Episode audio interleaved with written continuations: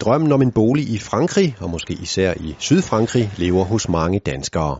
Men inden du skriver under på slutsedlen, så har formuerådgiver Erik Kryer her et par gode råd. Har man været i Frankrig på sommerferie og oplevet klimaet og oplevet stemningen og det, jamen så kan man meget hurtigt få det næste skridt, der siger, her kunne vi godt tænke os at have vores drømmebolig nede. Inden man kommer så langt, jamen så vil jeg sige, så er det forberedelse, og det er forberedelse og forberedelse. Fordi en ting er, at man har været der på en, øh, på en øh, ferie i juli og august måned. Jamen, hvor meget kender man til området? Hvor tit har man været der?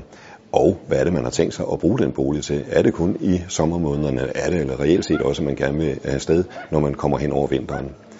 Der skal man jo selvfølgelig finde ud af, hvordan er klimaet, hvordan passer det en. Hvad er det for et område, man kigger efter? Jamen, vil man gerne bo lidt mere lokalt, hvor der er rigtig mange franskmænd, eller vil man ned, hvor der er sådan, at øh, man møder rigtig mange turister og rigtig mange ikke-franskmænd? Når man så er kommet dertil, jamen så er noget af det første, man egentlig skal øh, finde ud af, det er at få de rigtige rådgiver på banen. Og de rigtige rådgiver her, der er det jo et spørgsmål om at finde en advokat, en rigtig god advokat, fordi tingene er lidt anderledes, når vi snakker Frankrig. Der er nogle andre arveregler, der er nogle andre skattemæssige regler, som man skal tage højde for, så det også kommer til at passe med de danske forhold. Udover den øh, rådgiver, man har på advokatsiden, jamen, så skal man jo selvfølgelig også finde en ejendomsmaler.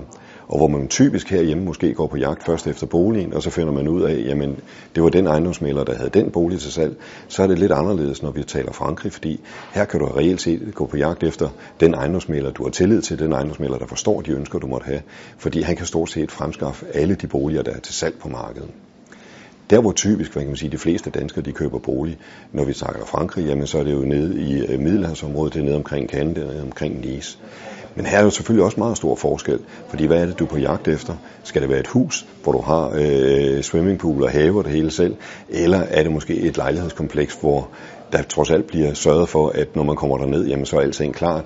Hækken er klippet, græsset er slået, og swimmingpoolen er ren. Hvor stor skal det være? Jamen det er jo også noget der, hvor der er sådan, at øh, der er stor forskel, når vi kigger i Danmark. Kigger vi meget kvadratmeter, kigger vi øh, sydpå, jamen så går man meget med ind og kigger på, hvor mange soveværelser har man, hvor mange badeværelser har man. Man kan hurtigt blive meget, meget fristet af det varme klima i øh, juni, juli og august måned, øh, så man mener, jamen vi opholder os jo det meste af tiden ude på terrassen, så det er bare et spørgsmål om, den er så stor som muligt. Her vil jeg måske nok anbefale, at man trods alt kigger lidt på, at der også er plads inde i stuen, til man kan rykke ind, hvis man er dernede i januar og februar måned, hvor i hvert fald aftenerne og nætterne kan blive noget køligere. Muligvis skulle man også overveje et værelse mere end det, man havde planlagt, øh, fordi man bliver meget hurtigt meget populær, så det vil sige, at der er rigtig mange mennesker, som der jo meget gerne vil på ferie med en, og der kan det være meget rart, at man kan lukke døren, om ikke andet så i hvert fald til svigermor, når hun er på besøg. Det at købe hus i øh, Frankrig er der jo også nogle ting, og det er jo der, hvor man med sin rådgiver skal ind og, og sige, hvordan gør vi egentlig det.